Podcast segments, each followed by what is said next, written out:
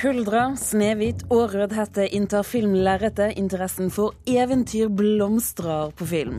Ni av ti kulturskoleansatte jobber deltid. Det er altfor mange, mener Fagforbund. Og i Frankrike beskyldes regjeringsansatte for ulovlig nedlasting av film og musikk fra nettet. Og dette er saker vi skal innom her i Kulturnytt. Riktig god morgen. Eventyrene er altså tilbake på film. I år er det 200 år siden Peter Kristen Asbjørnsen ble født, og Brødrene Grim sine samlinger ble gitt ut for første gang. Og nå kommer det en rekke filmer og TV-serier som er basert på eventyr og folketro. Dette kan bli gull verdt for norsk film, det tror regissør bak en ny film om Huldra. Du ser vel hva det er?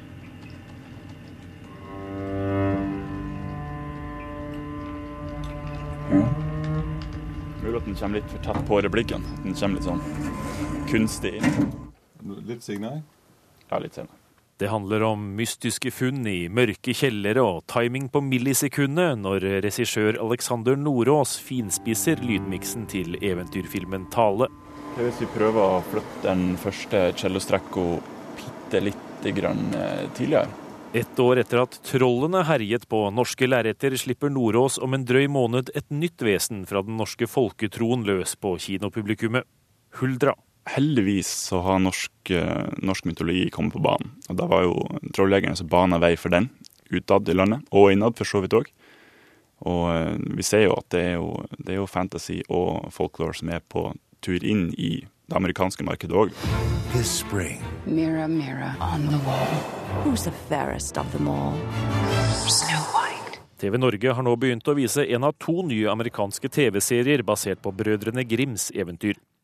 Fra Hollywood kommer det i år også to nye spillefilmer om Snøhvit, og ikke minst den amerikanske debuten til Altas store filmsønn, Tommy Wirkola. Hollywood har jo ofte sånne perioder der alt kommer i liksom bølger, og det, det, er jo uten tvil en liten eventyrbølge på gang. Og, men de, altså for meg var det Hans og Grete som var interessant, og denne ideen som jeg hadde lenge om at de har vokst opp og blitt noen nådeløse dusørjegere.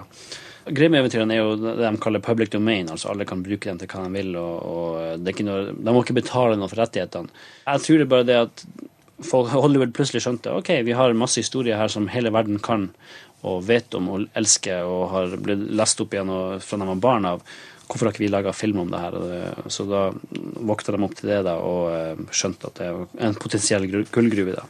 Interessen fra utlandet kan også bli en gullgruve for norsk film, tror Huldra-regissør Alexander Nordås. Eh, norske skuespillere og regissører og folk bak kamera vil jo få vist seg utad. Men samtidig også kan det jo påvirke til en positiv synergi med å få Hollywood til Norge og ha lyst til å lage film i Norge har lyst til å ta nytte av norsk fauna og, og, alt vi har å by på. Om jeg er så flink til å finne akkurat huldra her, det Nå skal vi se. I det lille hjørnekontoret sitt på Blindern blar forsker Ørnulf Hodne i en av de over 30 bøkene han har skrevet om nettopp eventyr. Han tror Nordås har et poeng. Ja, det tror jeg absolutt. Og det har jo vist seg med denne trolljegeren at det var jo en film som slo voldsomt igjennom bl.a. i USA.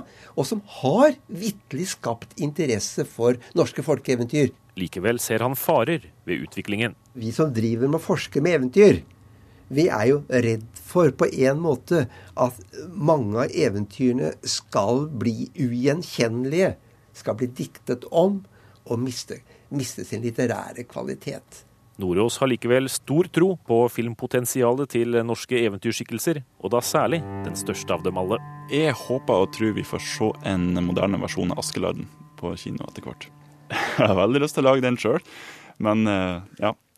Nå er det bare 24 timer i døgnet. Reporter her, det var Gjermund Jappé, og eh, filmen som får eh, litt av æren for den nye eventyrbølgen, 'Trolljegeren', er eh, nå kortlistet til den britiske film- og TV-prisen BAFTA.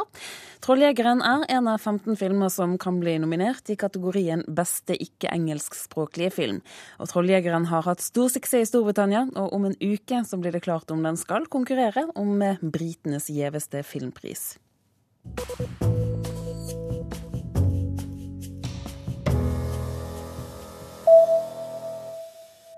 Telenor vil eh, selge seg ut av A-pressen når anledningen byr seg. Det sier konserndirektør Kristin Skogen Lund til Dagens Næringsliv. Hun sier Telenor i fremtiden skal konsentrere seg om å være distributør, og ikke eier av mediehus som produserer innhold. Telenor og LO eier i dag drøye 48 hver av aksjene i A-pressen. I går ble det altså klart at A-pressen solgte sin eierandel i TV 2 til danske Egmont. I Tunisia har flere hundre journalister protestert mot at regjeringen utpeker medielederen. Journalistene mener disse utnevnelsene av mediesjefer er et skritt tilbake til det gamle regimet. En av de nye lederne er Mohammed Taib Yosefi. Tidligere var han journalist i det statlige nyhetsbyrået TAP og presseattaché under regimet til Ben Ali, men nå er han altså utpekt til å bli ny sjefredaktør i TAP. Livet til Nelson Mandela skal bli TV-serie i seks deler. Serien skal få tittelen Madiba, som er Mandelas slektsnavn, serien har et budsjett på over 180 millioner kroner. Mandelas barnebarn har vært med på å skrive manus til serien, som bl.a. skal vise Mandelas forhold til moren, hans politiske engasjement, fengslingen og veien mot å bli Sør-Afrikas første svarte president. Men eh, hvem som skal spille Mandela, blir offentliggjort i løpet av noen uker.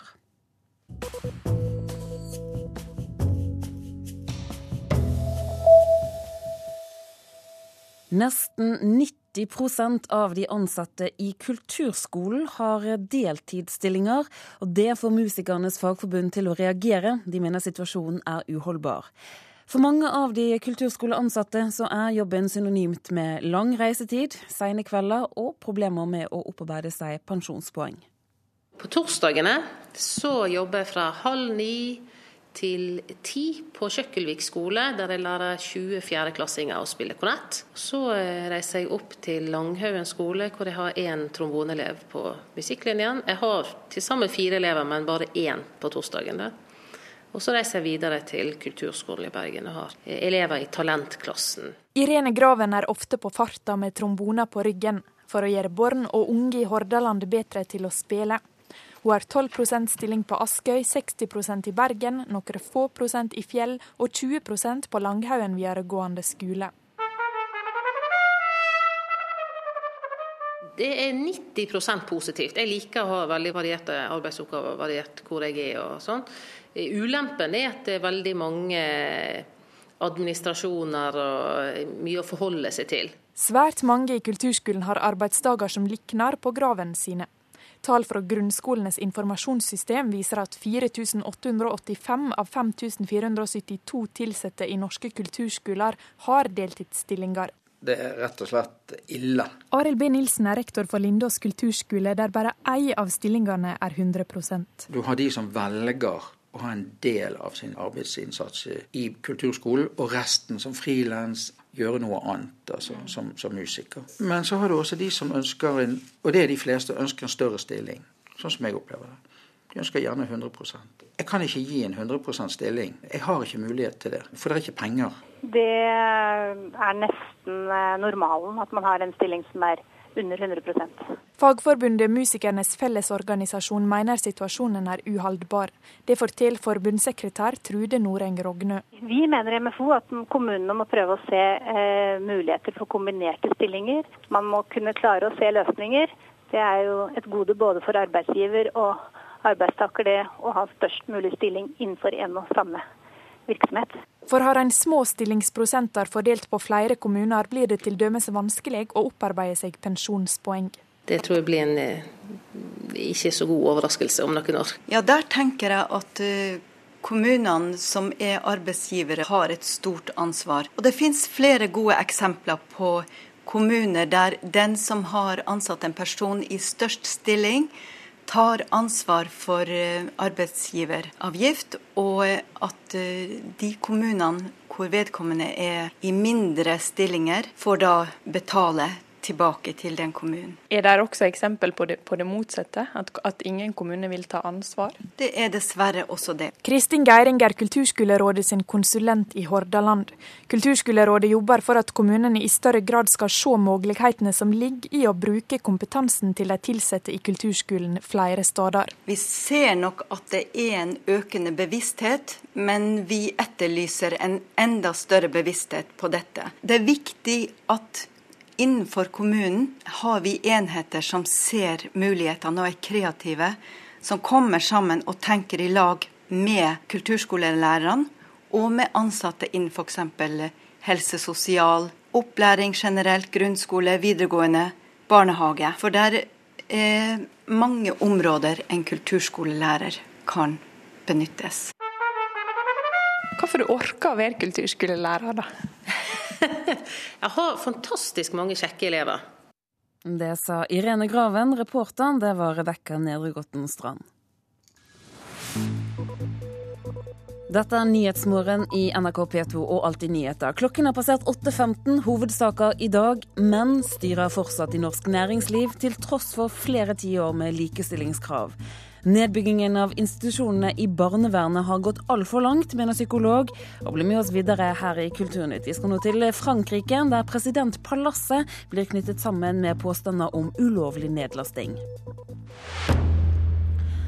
I Frankrike er regjeringen nå blandet inn i en ulovlig nedlastingsskandale.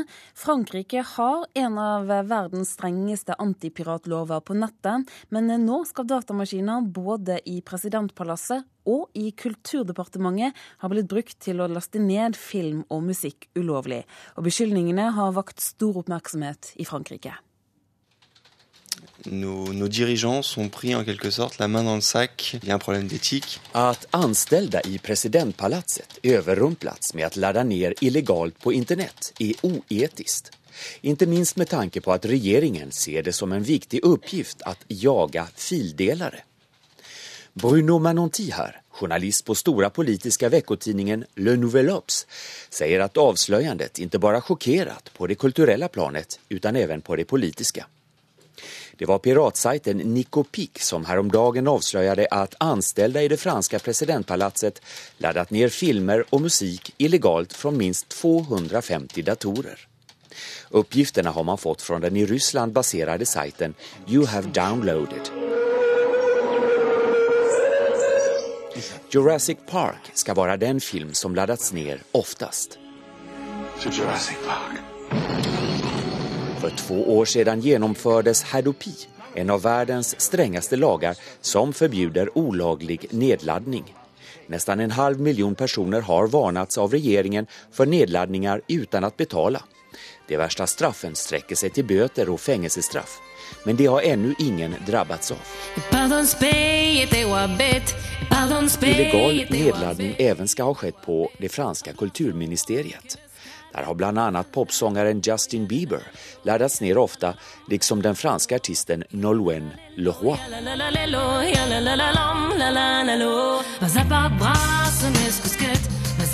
I en intervju på Radio Luxemburg har dock representanter för den franska regeringen avfärdat anklagelserna om illegal nedladdning från de anställda på presidentpalatset. Man hävdar att uppgifterna är falska och att det inte går att med säkerhet avgöra från vilken dator nedladdningen skett. Detta kastar en ny skugga över den franska Hadopi-lagen som baserar sig på uppgifter bland annat från sajten You have downloaded. Liksom många andra journalister kräver Bruno Manonti på Le Nouvel Obs nu en undersökning angående uppgifterna om illegal nedladdning på presidentpalatset. Han anser att ingen i samhället får stå över lagar och förordningar. J'aimerais bien. Ça montrerait que la loi s'applique à tout le monde. Men Bruno tror knappast att en undersökning kommer att bli av. Han säger till våren stundar presidentval och innan dess aktar sig regeringen och president Sarkozy noggrant för att inte utsätta sina partimedlemmar i onödan. En attendant 2012, ils se tiennent un peu à carreau en attendant de voir ce qui va se passer, si Nicolas Sarkozy est réélu ou pas. Og reporter i Paris, det er Johan Tolgart. Ånden fra den franske revolusjonen må inn i den norske grunnloven, det mener Heikki Holmås fra SV. Han vil ha setningen som lyder som dette mennesker fødes og forblir frie og like i rettigheter. Den setningen vil han ha inn i loven, for å ta et oppgjør med rasistisk grums i den offentlige debatten. Det skriver Dagsavisen.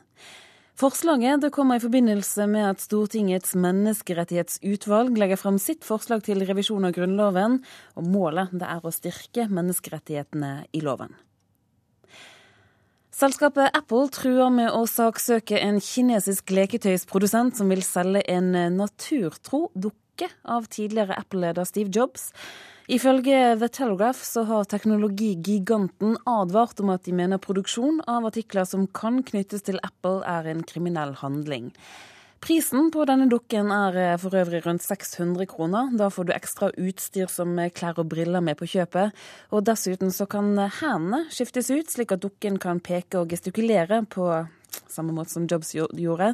Og er du nysgjerrig, så klikk deg inn på nrk.no. Der kan du se bilder av denne dukken.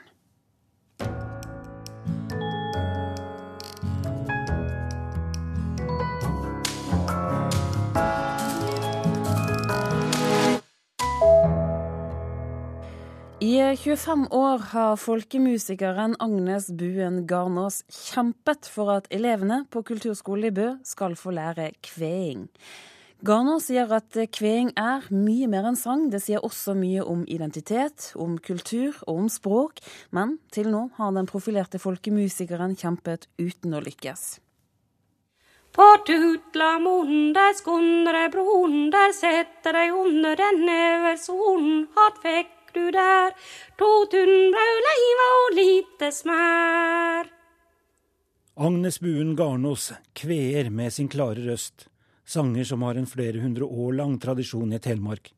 Men dette er så mye mer enn sang, forklarer hun. Det er en annen måte å, å um, synge på enn uh, mye annen musikk, uh, eller mye annen sang. Hvorfor er det viktig å lære kveing, altså kultur, identitet, slike ting? Ja, Det er akkurat det du nevner, at det er en del av den, eh, det språket vårt. Vi bruker det språket vi bruker i det lokale samfunnet når vi kveer. Vet du, Da slår han under beinet på den vesle ungen mens han sier regla. Skoblakken, skoblakken med hammer og tang, i morgen skal vi fara den vegen I en menneskealder har Agnes Buen Garnås stått på for folkemusikk og særlig for kveing. Hun er kanskje den mest kjente i landet når det gjelder kveing, og underviser også i dette. Men på kulturskolen i Bø, der hun er ansatt, får hun ikke undervise i kveing. Nei, jeg er jo ganske lei meg for uh, å ha vært ansatt i Bø musikkskole i 25 år, eller i hvert fall arbeidet i musikkskolen så lenge, og vært ansatt uh, ganske lenge òg.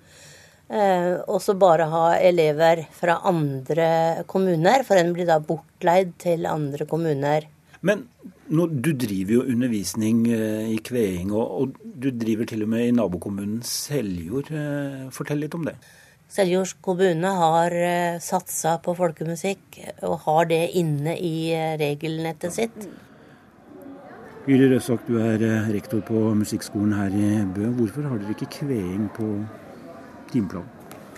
Eh, det henger sammen med dårlig økonomi, rett og slett, i Bø kommune. Som da selvfølgelig gir dårlig økonomi i Bø musikkskole også. Er det ikke litt leit, da? Midt i Telemark, eh, folkemusikkfylket framfor nå? Jo, det er klart det er kjempeleit. Eh, det å drive med instrumental- eller vokalopplæring av én og én elev er jo det mest kostbare man gjør i en kulturskole.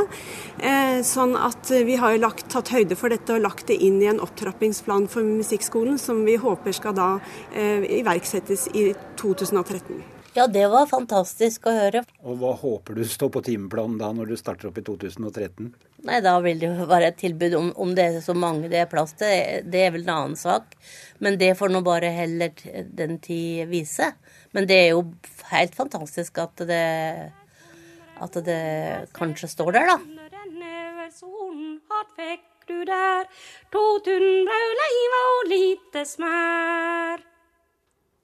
Og det var reporter Roald Marka som snakket med folkemusiker Agnes Buen Garnås. Hør ekko. Har jernkvinnen Margaret Thatcher fortjent ettermælet sitt? Eller kom hun med den medisinen Storbritannia trengte? Vi løfter på Thatchers mange hatter og leter etter spor av henne i dagens Storbritannia. Ekko 9 11 i NRK P2. En actionfilm utløste full politiutrykning i Sverige. Et par i Umeå satt hjemme og så filmen 'Forsvunnet' på fjernsyn, da de plutselig fikk uventet besøk av politiet som truet med å slå inn døren. Politiet rykket ut etter at naboparet ringte og fortalte at han hadde hørt, skudd og skrik fra leiligheten. Men eh, da politiet fikk se at skuddene stammet fra TV-skjermen, så trakk de seg tilbake. Og med det så er denne Kulturnytt-delen av Nyhetsmorgen Nyhetsmorgen eh, over. Vi skal straks gi ordet til eh, Øystein Haggen, som er programleder i Nyhetsmorgen. Kulturnytt kom på luften i dag takket være produsent Andrea Kvamme Hagen. Hilde Tosterud har det tekniske ansvaret. Her i studio, Turi Grønbekk.